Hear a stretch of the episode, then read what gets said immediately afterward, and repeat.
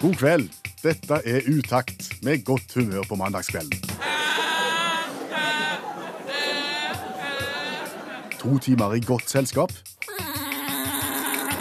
Med variert musikk. Mikko rev, satt skrev, bæbæ lille lam. Per Øystein Kvindesland. Og Bjørn Olav Skjæveland. Jeg erklærer herved Radioprogrammet Utakt for åpnet.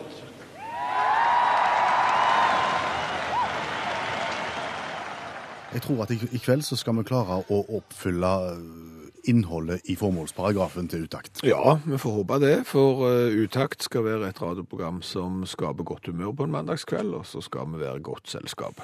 Og får vi til det, så er mye gjort. Ja. Og vi begynner med et, skal vi si, et litt privat spørsmål. ja, det er ikke så privat. Jeg tror det er mange som eh, lurer på dette, og det er jo eh, hvor kan du egentlig tisse? Hvor kan du egentlig tisse? Ja. Ikke i badebassenget. Nei, eh, og det, var jo derfor vi egentlig kom på at dette, her er det jo eh, grenselinjer som må trekkes opp, fordi at vi leste jo saken om at eh, folk tisser jo i badebassenget, og, og det er jo målinger som viser at det er faktisk ganske mye urin i badebassenget, og OL-summere sågar står jo frem og sier at de, jo da, vi tisser i badebassenget vi òg. Ja. Og når jeg leste det, så skjønte jeg at den teknologien som jeg alltid har trodd på, den virker ikke. Hva teknologi var det? Vi ble fortalt at dersom vi tiste i badebassenget, Ja. så ville det komme en rød ring rundt oss. Og Derfor så gjorde vi selvfølgelig ikke det, for vi ville jo ikke bli stigmatisert som tissere i basseng. Nei. Men det fungerer da tydeligvis ikke. Nei, men må du, så må du av og til, sant? Og da er jo spørsmålet, hvor kan du gå da når du må? Eh, ikke på vei hjem fra byen, ikke på offentlig sted. Nei, for, for det er jo noe som heter straffelovens paragraf eh, nummer 350. Den sier det at å urinere på offentlig sted er straffbart. Men hvor er offentlig sted? Ja, Det er iallfall tydeligvis utenfor i kebabbutikker og, og den slags, for det er det politiet tar. Ja, men- Mange i helgene, i taxikøer og den slags. Ja, ja. Så der skal du ikke gjøre det. Sentrumsnære gater. ja men Nei. sentrum, altså, på tur, eh, skog og mark. Det er jo et offentlig sted.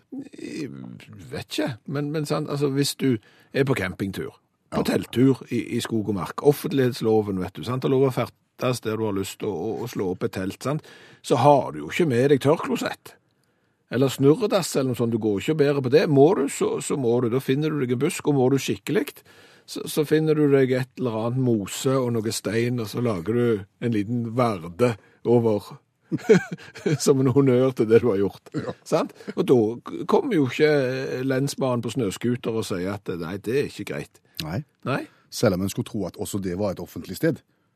Ja, for, for hva, hva, hva er definisjonen? Hvor går grensen? Altså, Bare la oss nå et tenkt eksempel. Hvis vi er enige om at vi får bot hvis vi tisser ut forbi kebaben, Ja, og så får vi ikke fortsett. Ja, sant? Men så får vi ikke bot hvis vi eksempel er ute på campingtur i, på en eller annen vidde, Nei. Så begynner du å gå hjem. Du rusler hjemover. Ja, tid må du stoppe å tisse? Tid kan du ikke lenger tisse på vei hjem, fordi at da er det ikke lov lenger? Er det parkeringsplassen? Er det Det er før parkeringsplassen. Nei, hvorfor? Du har ikke noe svar, Nei. men det er veldig interessant. Jeg tror, jeg tror det må ha med eh, der det ferdes mye folk. Altså det har med, med alminnelig ferdsel å gjøre. Sånn at hvis du da eksempel drar til et, eh, en turistattraksjon som er populær, la oss si Prekestolen i Rogaland som er en av de mest Ja. populære turistattraksjonene i skog og mark som finnes, så kan du ikke. Ikke i køen, ikke langs stien. Hvis du springer 400 meter vekk fra stien, der det ikke ferdes folk, så kan du gjøre det. Ok, så hvis du er fra Kina da, og har høyhælte sko, sånn som de har når de går til Prekestolen, og så en liten sånn en eh, regnponcho på seg, så skal de springe 400 meter vekk fra stien, for, og da er det greit. Men hvorfor akkurat disse, sant? Du ser, du, du vet ikke dette. Nei, og, det, og det er uklare skillelinjer her. Altså, hvor mange må det på en måte bo der? Altså, kan jeg, kan jeg tisse på meg og tomt? Altså, da, ja, da er du ikke på offentlig sted, da er du på privat grunn. Og det må du være lov. Det ser veldig dumt ut, men det er lov. Det er lov. Kan jeg tisse hos naboen da? For det er jo også privat grunn, det er bare ikke min. Jeg tror ikke jeg ville prøvd det. Sant? For, da- for du er det litt den der, hvis du da kommer til byen, og la oss si på kebaben der da, sant? så er det jo ikke nødvendigvis at det er kommunen som eier akkurat den plassen der kebaben står. Det er jo gjerne eieren av kebabbutikken. Kan han gå ut forbi kebaben og tisse på sin egen vegg? Mens jeg kan ikke tisse på hans vegg, men han kan du, det, er ikke, det er ikke enkelt, dette her. Det er ikke det. Nei. Sunn fornuft, kanskje. Funker det òg. Og det løgneste jeg vet, det er, er gjerne menn som ligger på stranda, og som må tisse. Som ikke har vært ute i hele dagen. Og som Tørre shorts. tørre shorts, og som går ut til navlen, stopper opp og blir litt salig i blikket i ca. 36 sekunder, snur og går inn igjen. Det er enda løgnere når de går akkurat litt under navlen, sånn at de kommer tilbake igjen, så er badeshortsen tørre helt opp i linningen, men han er våt resten. Det er ikke bra. Og Jeg ble sittende og se på den norske Melodi Grand Prix-finalen i helga og irriterte meg grenseløst. Irriterte deg grenseløst. Dårlige sanger. Nei, nei, jeg, det kan alltid diskuteres, men okay. det var egentlig ikke det som irriterte. Hva er det som irriterte? De har klart å importere en enormt irriterende internasjonal uvane til den norske Melodi Grand Prix-finalen. Nå må jeg ærlig innrømme at jeg har datt av, for jeg så ikke den norske Melodi Grand Prix. Hva, hva de har importert som er irriterende? De har importert eh, internasjonal stemmegiving. Altså, de har utvalgte land i Europa får lov å stemme og mene om norske Melodi Grand Prix-bidrag. Men, men er det så galt? Nei. Det er jo de internasjonale som skal bedømme det, og den sangen som til slutt skal være den internasjonale finalen. Også er det jo greit kanskje at vi sender en sang som folk har lyst til å høre i andre land enn i akkurat Norge. Det er en kjempeidé. Ja. Jeg støtter han 100 Ja, hva er det da du Det irriterer er deg over? måten de gjør det på. Og det er her den internasjonale uvanen kommer inn. Har du, du har sett den vanlige Ja, den har internasjonale jeg sett, ja. Ja, ja, ja. Det er Ikke noen Melodi Grand Prix-novise. Nei, må vite. Da, da sitter jo da Altså, da kaller du opp et land, og så sitter det en representant fra juryen i det landet, Ja, Payba. Peiba, Pace Bice, Yes. og smiler, Yes. og så kommer uvanen. Før en da avgir stemme, Ja. Så blir det en haulang passiar med Oh, what a wonderful show, thank you very much. Oh, you look splendid og sånn, ja. Mm, mm, enormt. Så bruker de tid på det. Og så er det gjerne litt tidsforsinkelse i linja, ja. som gjør at eh, den norske programlederen snakker gjerne litt oppå den internasjonale juryen. Så blir det litt sånn lugging fram og tilbake der. Og så går tida, og vi er egentlig bare interessert i å vite hvem som fikk 10 og 12 poeng. Og det du nå sier, at sånn var det òg i den norske Melodi Grand Prix. Da, da var det 'Thank you for a wonderful show'. Oh, ja, you, Ja, men det har jo ikke vært på TV. Hva, hva land var det? Nei, forskjellige land. Det var England, og det var, det var Sverige, det var Finland, og det var Aserbajdsjan. Det. Ja, men 'Thank you for a wonderful show'. De har jo ikke sittet nede i Baku, liksom, og så Det var vel kabel-TV, det òg. Ja, ja. Tror du de har sittet i London der, vet du, med Fish and Chips og The Norwegian Melody Grand Prix? De har jo ikke det. Det er jo bare floss. Og så i tillegg så begynner de å for a. Det er det mest irriterende som fins. Ja, det er det. Og så skal de begynne å snakke norsk. Og så, for det, det er en god idé. Nå skal vi snakke sånn, sånn litt dårlig norsk og si 'tusen takk'. Og så er det 26 land som har tenkt akkurat den ideen der. Det er krise. Ja. Og, og når noen skal være morsomme da, i tillegg og fortelle en vits som ingen forstår, og gjerne synge liksom Oh, thank you for the music. Det, nei, det her er så Det er en uting. Ja. Vi vil ikke ha det. Nei, så det, vi vil rette en appell til, den, til, til EBU, er det det heter? Ja. Eh, vi er for internasjonale juryer, vi er for internasjonalt samarbeid, men gi oss poengene og spar oss for visvasset. ja. Det er mulig du har sagt det før, Skjæveland, men du er jo utdanna fotograf. Ja, jeg, er det, og, og mens Karl Carl Espen sang sin eh, Grand Prix-sang her, så ble jo vi sittende og diskutere noe mer irriterende fra stemmegiving i eh, Melodi Grand Prix. Ja, eh, de da altså, Disse her juryformennene, eller ju, de, de jurytalsmennene, talskvinnene, som vi ser på norske skjermer, de blir da gjerne vist fram foran en berømt bygning eller et mediehus i det landet som de stemmer fra. Ja, men de står jo ikke der. De står ikke der. Nei, det er jo det som er, poenget. Eh, Poenget er at de står gjerne i et studio foran en vegg av en bestemt farge, pleier ofte å være grønn. Eh, Det som da skjer rent teknisk, det er det som kalles for nøkling, eller keying, for de som nå har program å, å, skrive her. Så fjerner du på en måte grønnfargen, så sier du alt som er grønt skal eksempel være Holmenkollen. Okay. Så ser det tilsynelatende ut da, som om vedkommende står foran Holmenkollen, når de egentlig står i studio. Så den teknologien kan egentlig få folk til å stå hvor som helst og lure oss TV-seere. Ja, men da må du, da må du være flinke, ser du. Jeg sier du til meg nå at de som står og rapporterer hjem fra, fra Washington f.eks., ikke står foran Det hvite hus? Ja, det sier jeg. Eh, Og, og det som jo er litt eh, fiffig her av og til, og, og spesielt i Grand Prix, da. For da har du f.eks. noen nasjoner som har eh, store kringkastingsbedrifter som har mye penger. Så har du noen land som ikke har penger. Og de òg har lyst til å lage sånn en bakgrunn, og det burde de ikke gjort, for de får det ikke til. Dårlige nøkling? Da, det ser jo ikke ut som de står der i det hele tatt. Det, det, du kan jo omtrent se den grønne kanten av, av- der de står, og kanskje det som er aller verst, er jo gjerne at bildet i, i bakgrunnen er jo tatt i et helt annet lys enn de i, i forgrunnen. Det er jo én ting. Og tenk deg da, hvis jeg f.eks. tar et bilde av deg, Ja. så har jeg jo lyst til at øynene dine og nesen din f.eks. skal være i fokus. Det skal være skarpt. Sant? Hvis jeg da stiller fokuset på deg, så, så vil det som er bak deg igjen, det vil være litt uskarpt. Dette er fotografteknisk, sant? Ja, ja, men altså, det skjønner du jo, sant? Altså, det er jo sånn, Hvis du ser på en ting, så er det skarpt, og det som er en annen plass, det er ikke skarpt. Sånn virker jo til og med øynene dine. sant? Sånn virker òg ei linse.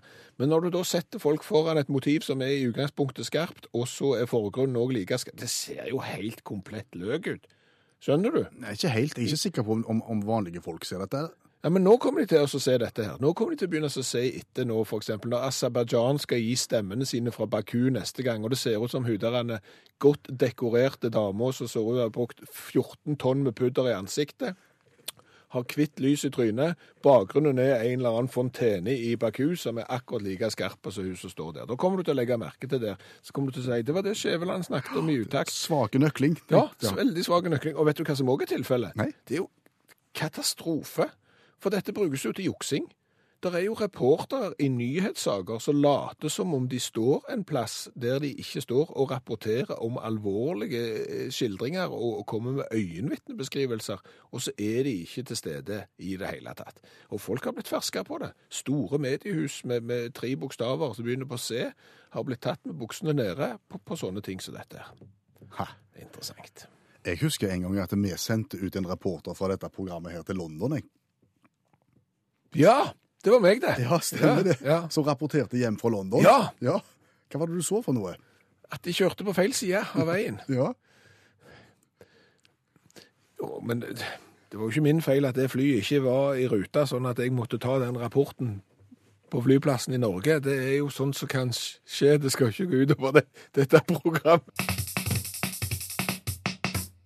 Har jeg sagt at jeg har eh, truffet Bruno Mars? Du har ikke truffet Bruno Mars. Du må slutte å, å lyge. Du har sittet på en benk sammen med en mann fra Hawaii som hadde truffet Bruno Mars.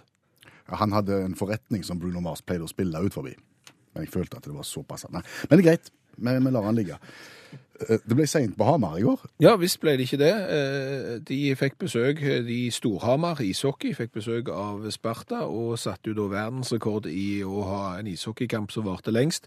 De begynte klokka seks, og de var ferdige når klokka var tre minutter over halv tre på- natta. Da hadde de spilt ishockey i 217 minutter, og de hadde sudra den gamle NHL-rekorden som ble satt i 1936, med en kamp på 176 minutter. Og Dette har jo da blitt omtalt i all verdens medier og, og fått voldsom oppmerksomhet. Men inntil oss nå så kommer da allmennlærer med to vekttall i musikk. Olav Hove, velkommen forresten. Hjertelig takk. Du kommer til oss og er egentlig ikke spesielt imponert over denne lange ishockeykampen. Nei, for sånn, Som idrettsarrangement så er det ikke så lenge, for det finnes det jo mye lenger. liksom Sjakk for eksempel, så er jo 20 timer og 15 minutter verdensrekorden mellom Nikolic og Asovic eh, fra Beograd i 89. Men vi skal begynne med litt fysisk idrett. så Cricket er jo lite grann fysisk, da. Har vel sagt at vi skal være litt skeptiske til idretter som har skråstrek med i sluttresultatet, men, men, men likevel. Eh, 1939 i Durban i Sør-Afrika. Sør-Afrika, England begynte 3. mars-kampen. Eh, spilte 3. mars, 4. mars, 5., 6., 7. mars, så regna det i to dager. Så fortsetter de. Så kommer det til 15. mars, og da var England i ferd med å vinne, men så gikk båten. Eh, og dermed ble det uavgjort. Eh, Det er sjelden det ble på den tiden. da.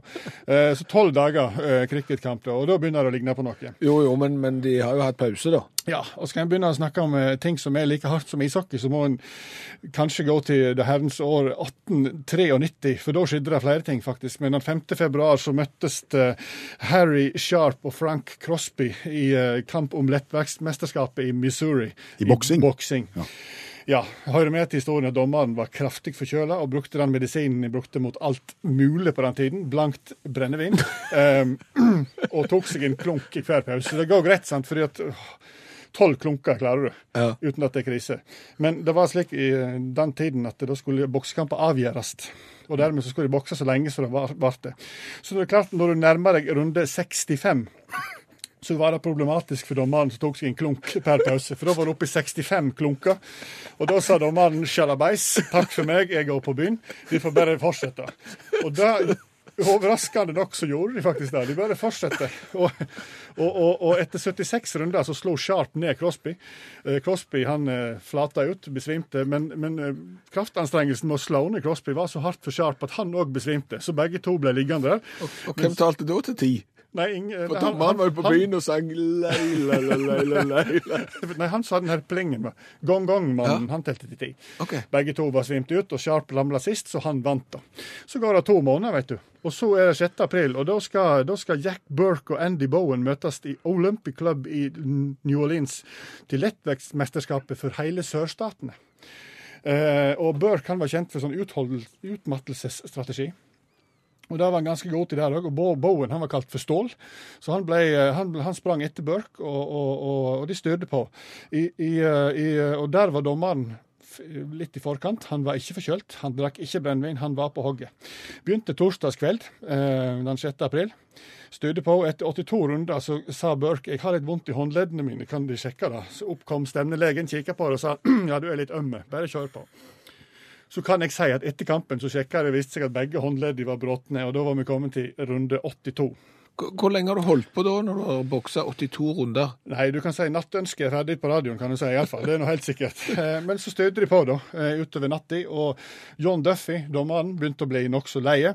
Og etter 108 runder, eh, og fuglene sang og morgenkvisten var kommet for lengst, så samla han de to bokserne, John Burke, Andy Bowen, og sa se utover salen nå, folkens. De som ikke sover, de har rester etter egg og bacon i munnviken. Vi skulle begynne torsdagskveld, vi skulle bli ferdig torsdagskveld. Nå må de slutte. Nå får de to runder på dere til å slå ned hverandre, eller så sier jeg det blir uavgjort.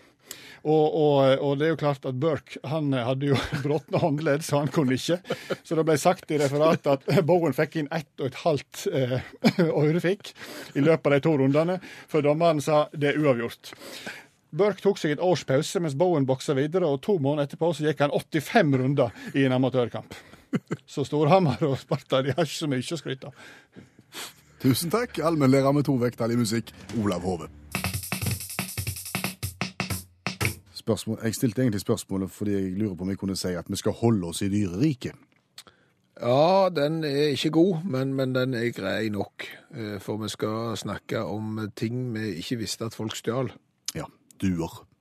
Duestjeling. Ja, Et problem. for noen. Eh, Og du skal komme på det òg. Det, det, men det er rett og slett sånn at eh, på Jæren eh, så er det en som har opplevd at tjuver har vært på, på ferde hele fire ganger. Dirka seg inn i duehuset og stjålet alvstuer verdt titusenvis av kroner. Ja. Hva type duer er dette, bortsett fra at det er avlsduer? Nei, det er brevduer. Og hva er brevduene kjent for? De de er jo kjent for å, å fly med brev. Ja, og, og for å kunne fly med brev, så Det er jo på en måte litt sånn enveiskorrespondanse, har jeg et inntrykk av. fordi det er jo gjerne sånn at hvis du skal ut på tur, så tar du med deg ei due. Ja. Eh, og så sender du da gjerne en beskjed hjem. Og det vil jo si at dua er trent til å fly fra hvor du enn slipper den henne, til hjem. Yes. Det er ikke sånn at du på en måte, hvis du har brevduer hjemme, og så har du familie for tiden på ferie på Østlandet, liksom, så sier du skulle gjerne snakke med de, og så sender du en due den veien. Det er ikke sånn det virker, tror vi. Nei. Vi tror at de er veldig, veldig gode til å finne veien hjem fort. Ja. Og det er da vi ser for oss scenariet der disse her tjuvraddene som har stjålet brevduer, hvis de da på en eller annen måte slipper de duene ut i friluft igjen, Ja. så vil jo tjuvgodset fly hjem Ja, umiddelbart. Ja, så det kan jo være noe av årsaken til at det har vært et innbrudd der fire ganger. At eh, hver gang du har stjålet disse duene, så har de flydd hjem.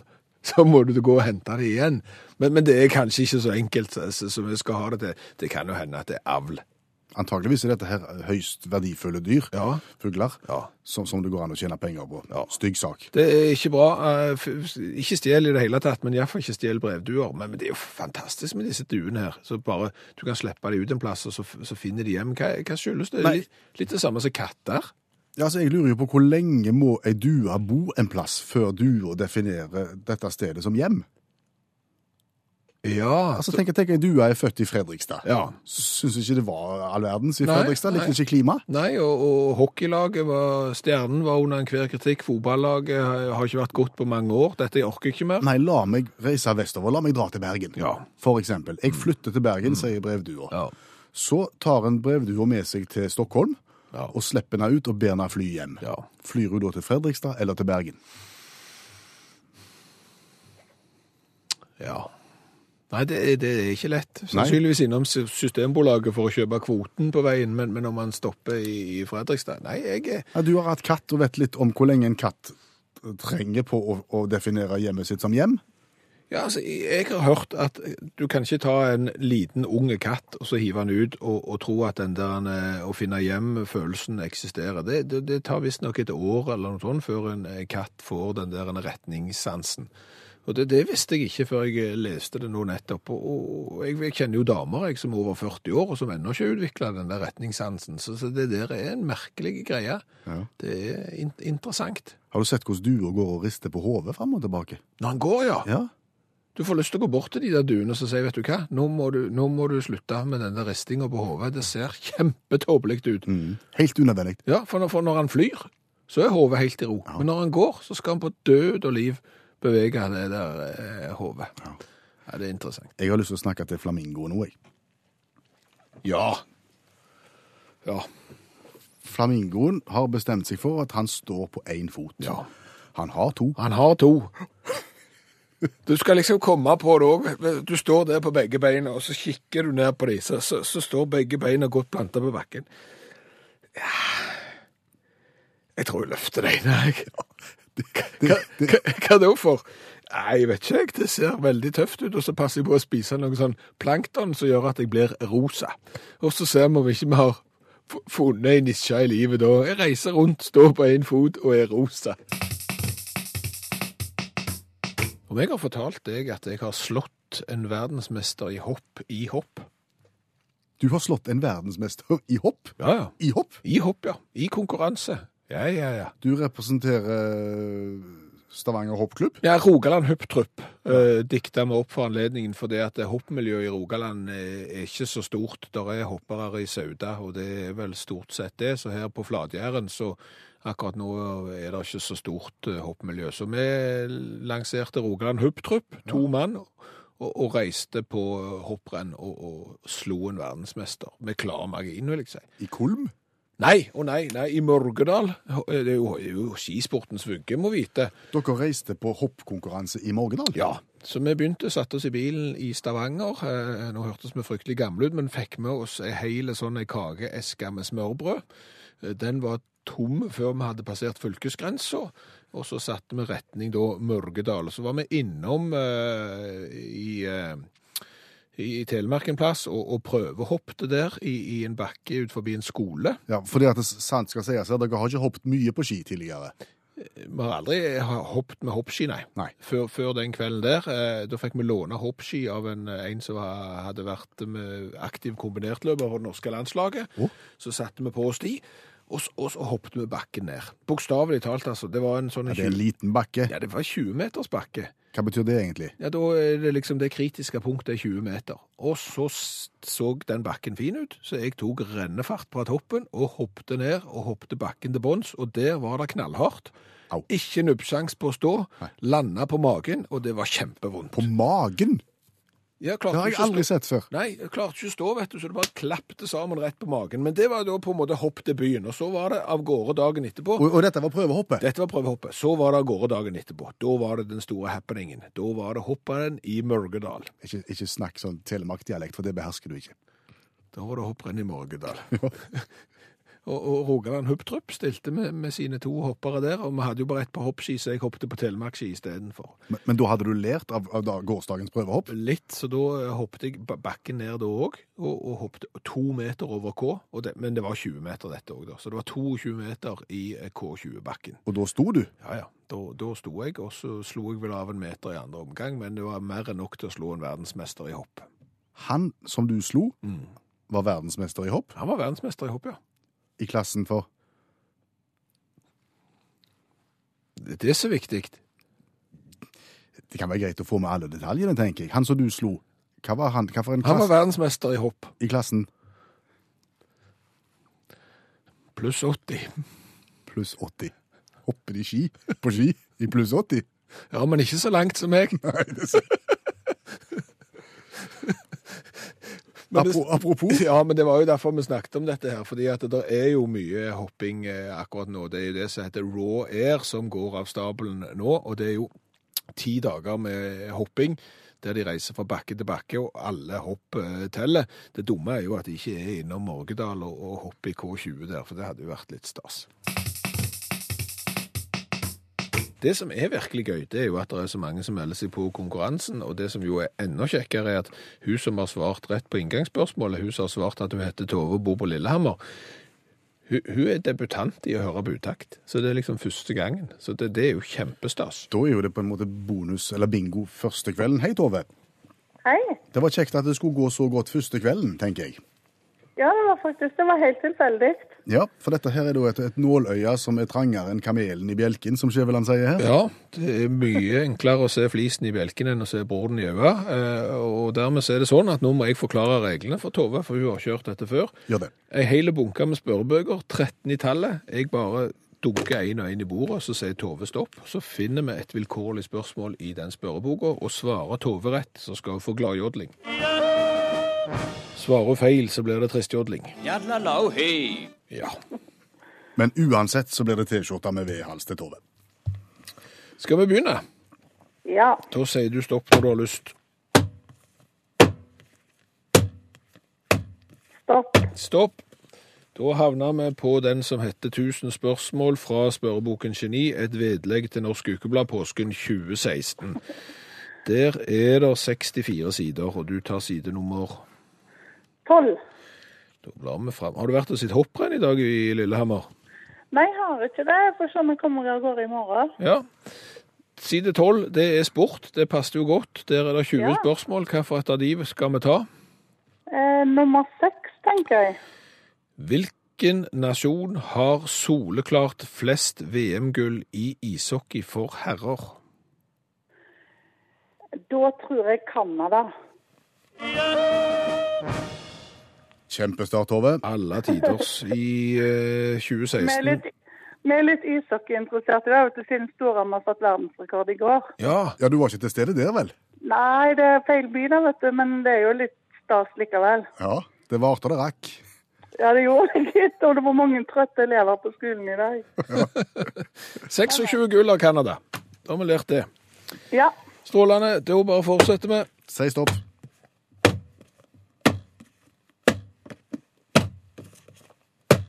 Stopp. Det var siste boka, det, så det var for så vidt greit at du sa stopp der, så kom vi iallfall i mål. Det er da igjen 1000 spørsmål og svar, men denne gangen ei spørrebok fra 1962. Oi.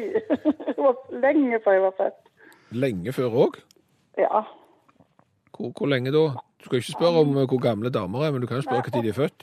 Åtte år før jeg var født, det der. OK. Ja, Det er en gyllen årgang, tror Du er da. 1970 er alle Ja, tiders år. Veldig mye godt som kom det året der. Kom igjen. 83 sider. Vi stopper på side 70. Side 70, og hva kan side 70 by på, mon tro? Jo, det kan by på menneske. 25 spørsmål om menneske. Da tar jeg nummer 20, tenker jeg. Hvor mange ganger puster et voksent menneske i minuttet? Har ikke det med pulsen å gjøre, da? Eh, Nei 30. Oi. Der kom tristjodling. Ja, det gjorde det. Uff. Jeg vet ikke om folk puster mer nå i, i 2017 enn de gjorde i, i 1962, men i 1962 så pusta de fra 16 til 20 ganger i minuttet. Å ja. Ja ja. Jeg er ikke så god på dette, da. Nei, men det er greit. Da er det siste gang vi velger bok. Bare si stopp. Stopp. Stopp. Quiz-giganten. Utfordringer for alle. 3000 spørsmål og svar og kolossalt mange sider. 500 Nei, 406. Da tar jeg nummer 238. 238. Da må jeg jo bla som om sånn, ja. Da er vi der. Og vi er da kommet til med kart og kompass. Ja. Er du orienteringsløper? Nei, overhodet ikke. Resten av familien er det, så det kan jo være at de har brutt noe på meg. Å ja. Er de det? Har, har de et litt rart forhold til å kle på seg i skog og mark, da? De er ikke så opptatt av om folk ser på om de er nakne og sånn? Nei, de kler voldsomt av seg. Jeg vil ikke si de kler på seg, Ja, de kler av seg. Ja, det meste av seg, ja. og så har de sånne faste såper, og så har de sånn der dunk med seg med vann, så de skvetter litt på seg etterpå. ja. Ja. Det er det nærmeste du kommer naturisme, på en måte. Det Er orientering? Ja, organisert, faktisk. Så får vi se om det har smitta noe kart- og kompasskunnskap over på Tove. 15 spørsmål å velge i. Da tar vi nummer tre. Nummer tre. Hva er det med kart og kompass å gjøre? Hvilket land er Europas største korkprodusent? Kork? Ja. Korkprodusent? Kork?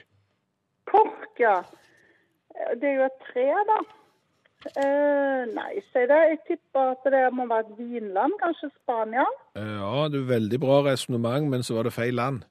Og Italia, det. Det er òg feil land, fordi at eh, hvis du prøver deg på, på de, er det kanskje ikke så gode på rød og hvit, men de er bedre på den, den port. Og du mener Portugal? Kjempe. Ja, men det var bra. Ja. Men noe resonnementet burde jeg få på, det er jeg enig i. Det holder eh, i massevis. Ja, også det som du sto fram som, som orienteringspårørende overgripende. Takk skal du ha. Tusen takk. Ja, Da skal vi sende av gårde ei T-skjorte, så kan du Du rekker det ikke til hopprenn i morgen, men du får gå og sprade i utaxi T-skjorte med V-hals når han kommer til Lillehammer. Men du, nå skal jeg høre på dere mer, for dette var et kjekt program, syns jeg. Vi har funnet fram en ny boks med cola eh, fra Polen denne Ja, gang. ja fra Poznan, for å være helt eh, ærlig. Den er produsert av Krytsjnika Vitamin. Det er spennende. Ja. Og den blir en del av vår store eh, coladugnad. Vi har smakt på cola fra hele verden, for vi liker jo å være det radioprogrammet som har smakt på mest cola i hele verden. Mm. Og så syns vi òg at det er greit å så veilede deg litt som skal ut og reise, for det er jo en jungel der ute. Ja, Vi kamuflerer det jo som om det er forbrukerjournalistikk. Vi sier jo at vi gjør det for alle de nordmennene som reiser utenlands, at vi vil hjelpe de til å velge rett cola i rett land. Eh, Det er jo den offisielle forklaringen. Ja. Men det den uoffisielle dommen at det er tøft. Ja. Og vi har en alvorlig samling. Den har blitt en turistattraksjon. Ja. Alle som kommer innom NRK-huset i Stavanger, skal se colasamlingen. Ja, ja, det henger jo et sånt krøllskilt på all slags. Spennende. Dagens variant, altså fra Polen. Eh, de har vært sånn gdanske greier, de som De har ikke vært mer Ja, de har vært gdanske gode, men, men ikke mer heller. I dag er det Just Cola. Det som er interessant, er at det er flere cola som heter Just Cola, men denne her er da polsk, og som sagt, det kommer fra Poznan, og, og blir solgt i en stor butikkjede som heter Zapka, og som har noe sånn som 4000 butikker i Polen, eller et eller annet. Det er svære greier, så det er på en måte en sånn supermarkedversjon av cola. Og bare la oss si det med en gang, den boksen er så lik originalen at det er jo av og til nesten litt vrient å skjelne. Og jeg har lest en artikkel på polsk eh, som tar opp denne problemstillingen her. Hvor like kan de være før det er plagiat? Her er du helt, helt, helt på grensa. Så hvis du bare ser for deg en originalboks, så ser du egentlig for deg Just Cola. Ja. Da åpner vi, og så ser vi hvordan han smaker. Yes. Om han er ganske god. Vær så god. Takk for det. Han er i hvert fall kjempekålsvarte, og det er kullsyre, og han lukter ikke verst.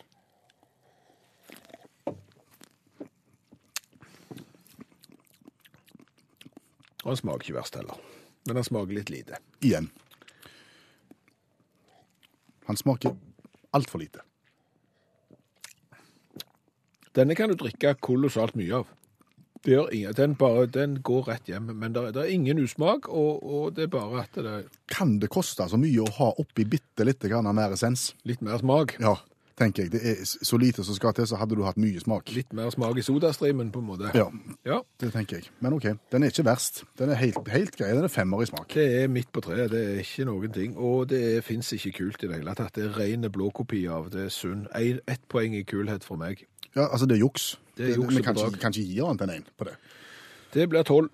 Det blir tolv poeng totalt til Just Cola fra Du er langt nede i segmentet der, da, men det er fordi det er så ukult. Men, men er du i Polen, så for all del, du, du kommer ikke til å avgå med en smertefull død om du drikker Just Cola. Den, den smaker helt greit. Jeg sitter og ser på kartet nå over Polen, og, og det slår meg at eh, nå vet jeg at julenissen kommer fra Potsdam. Gjør han det, ja? Ja, for det er Nordpolen. Og overskrift for eh, neste innslag i programmet Utakt, melk og død. Og det du som har insistert på den overskriften, Skjævland. Ja, fordi at eh, for noen uker siden så ble jeg sittende og lese en artikkel som eh, forskere har eh, gitt ut, og det er også svenske forskere, og- det er da at hvis du drikker mye melk, så øker det risikoen for tidlig død. Eh, Og så kan du kompensere det med mye frukt og grønt. Det kan motvirke det noe av den økte risikoen for tidlig melkedød, men, men er du en eh, stordrikker av melk, så, så risikerer du da å dø eh, tidligere. Slå det i hjel alt det andre vi har lært om at eh, du bør drikke mye melk, for det er sunt, og det er godt for kalsium og beina og synet og alt. Ja, men det slår jo på en måte i, i hel masse av ting, for det er jo ofte det, det jeg sitter igjen med som eh, egentlig fasit på dette her, det er at vi må jo bare gjøre som vi har lyst. Fordi Fordi at jeg tror jo du kan finne egentlig svar på hva du vil. Altså hvis du eksempel nå setter deg ned med en datamaskin og søker på ordet melk er sunt, så får, kommer du til å få eh, en haul haug med treff på det. sant? året rundt. Året rundt. Og så er det godt, som du sier, med, med for beinbygning og, og det ene med det andre. Og så kan du da igjen, sånn som jeg nå har gjort, søke på at melk fører til tidlig død. Så treffer du på det òg, sant? Og så kan du finne det at du nei, du må være forsiktig med rødvin og sånn, og så søker du på noen artikler om det, så finner du at du må være forsiktig med rødvin, så søker du på en artikkel for eksempel som sier rødvin er sunt, så finner du en artikkel om det. Så finner du en annen artikkel om at øl er sunt. En øl eller to hver dag kan eh, redusere risikoen for hjerte- og karsykdommer med 20-30 Men Sant? Så på ja. Så, så, så hva skal vi egentlig tro her? Eh, Jeg har jo da valgt eh, et blanda kosthold, Mhm. ut ifra det jeg har lest nå. Eh, Så nå, eh, og det er jo litt det der han er femte dagen-prinsippet, at du må ha litt frukt og grønt. Mhm. Så jeg går da for peanøtter.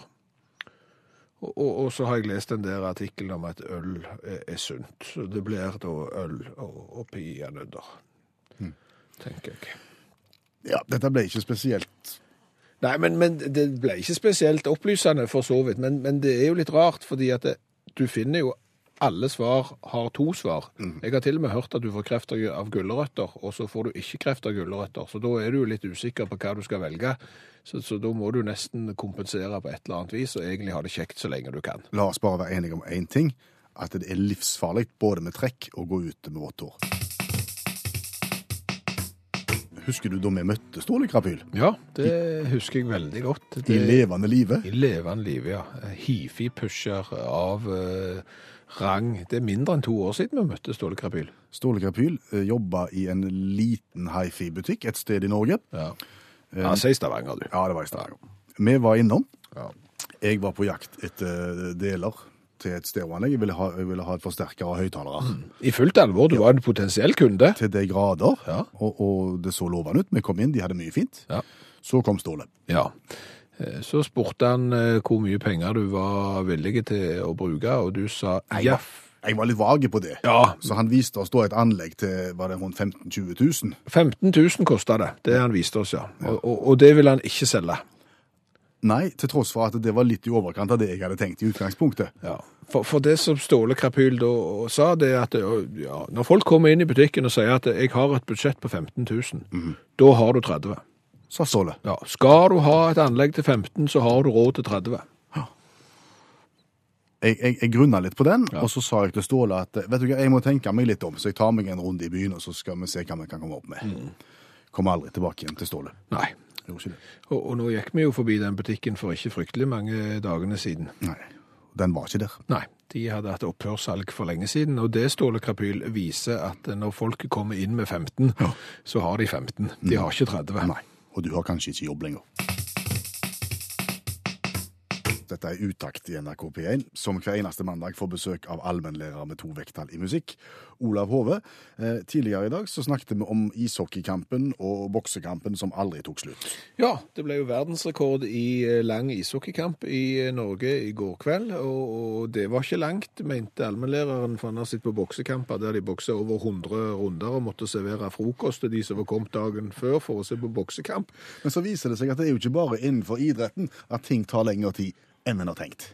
Nei, og jeg er jo litt sånn irritert i utgangspunktet på møte. Jeg liker ikke så godt å gå på møte. Tror ikke alle møter varer som det er det lengste i verden, da. Men det er viktig å ha perspektiv der òg, kanskje.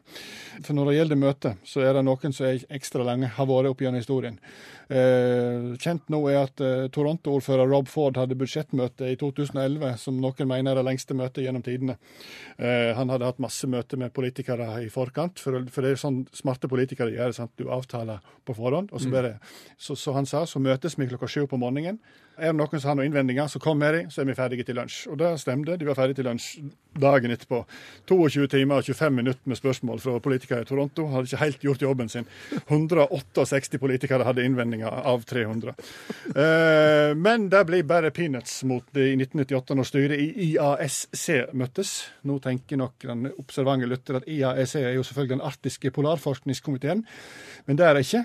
Så vil kanskje noen si at å ja, det er jo denne, denne komiteen for aloe vera-vitenskap. Nei, det er heller ikke det. Det er komiteen som setter opp internasjonale regnskapsstandarder. Det er jo en spennende komité. Det er noe alle har lyst til å være med på.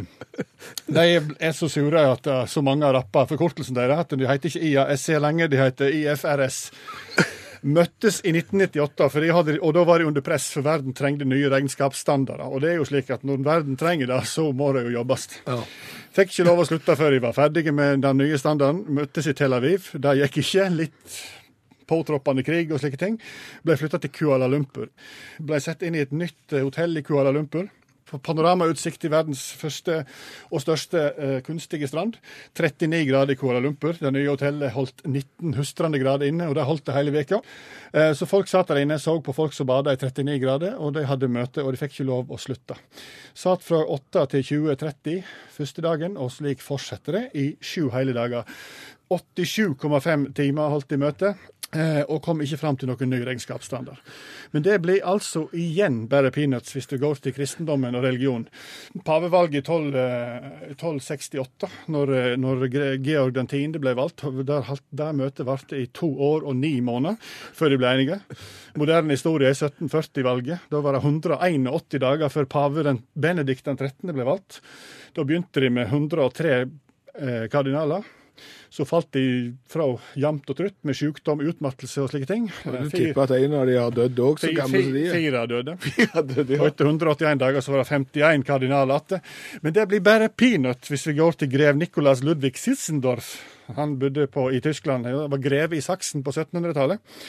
Var en from og kristen mann. Var medlem i en, i en menighet i byen Hernhort. Eh, og, og eh, en gang i 1727, når han var 27 år gammel, så sa han vi skulle ikke hatt et møte, da.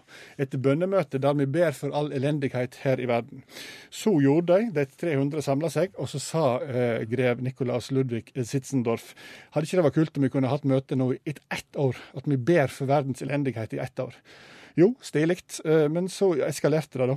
Og det varte og rakk. Og, og hver eneste dag så var det minst ti stykker fra menigheten i kyrkja.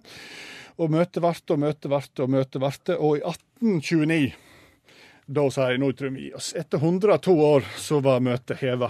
Og det er klart at alle som var med på møtet når det starta, har vært død i over 30 år når møtet blir heva, da snakker vi om langt møte. Når du arver møteretten av besteforeldrene dine.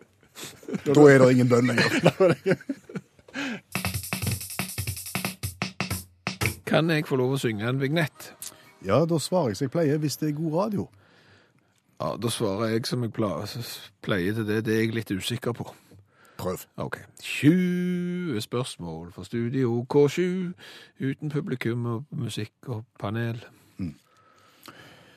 Tanken er å videreføre i en form legendariske 20 spørsmål. Ja, men vi har ikke publikum, vi har ikke band, vi har heller ingen lyttere som sender inn postkort med rare, vanskelige ord som eh, noen skal gjette.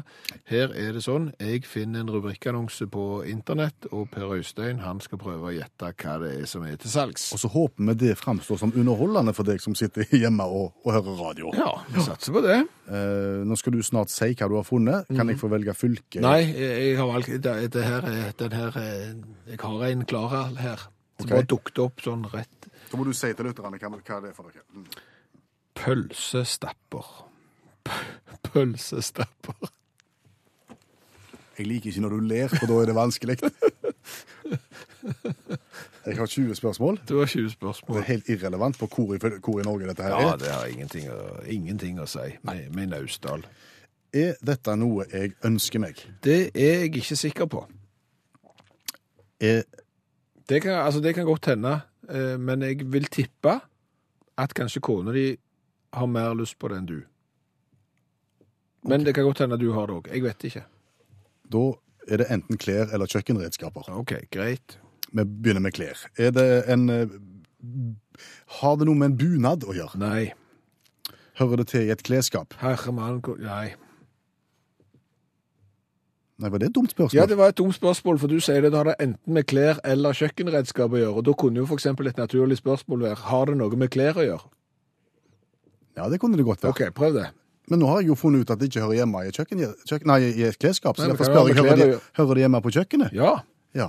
Ikke, ikke ødelegg resonnementet. Nei, men nå har, du, nå har du brukt tre spørsmål på det du kunne brukt ett på. Et kjøkkenredskap eh, er for salg. Eh, er dette et vanlig kjøkkenredskap? Nei, det er nok ikke det. Det er vanskelig. Da, det. det, det. Det er nok ikke noe du finner på de tusen kjøkken. Nei, vel. Er dette noe sånn Hellstrøm-verktøy, som er sånn, på en måte sånn for avansert kokkekunst? Nei, jeg tror ikke det trenger å være så avansert. Nei. Er det norsk husmannskost som det går an å lage ved hjelp av eller Ja. bruke? For eksempel kan du lage Det er ikke noe sjeldent som blir lagt med det. Er det et dyrt redskap? Altså, Jeg vet ikke hva du syns om 2699 kroner, om det er Ja, da er det noe som går på maskin, da, kanskje? Altså, det, det, det, det, Om det er elektrifisert? Ja. Nei. Nei! Er det et manuelt Det er et manuelt redskap, ja. til to, over 2000 kroner? Ja, ja, ja. Får det ikke mer gøy enn du lager det sjøl. Er det et stort redskap? Ikke spesielt. Vet du hva, Nå svarer du akkurat sånn som han Jan Olsen, sammen til, til, til påståtte sammen til Rune Nilsson i lunsj. Ja da. Ja. Altså, jeg får ingen svar. Ja, Men skal jo svare ja eller nei. Du Ja. må jo, sant? Um, OK, for eksempel. Prøv produkt, for eksempel. Er det liksom melkebasert? Er det kjøttbasert? Er det, her er det jo en vei det- å gå? Er det noe som jeg bruker ved tilberedning av fisk? Nei. Kjøtt? Ja. Uh, en kotelettoppskjæringsanretning? Nei. Nei? Kjøttdeigstuingsverktøy? ja. Der begynner du å nærme deg, altså. Det har noe med stuing å gjøre. Eh, Stuing er et veldig godt stikkord når du har kommet på 15 spørsmål. Akkurat. Eh, Jeg skal stue noe som har med kjøtt å gjøre. På en måte, ja. Ja. Eh, hva er det jeg stuer for noe av kjøtt? Bankebiff? Hammer? Nei, det Nei.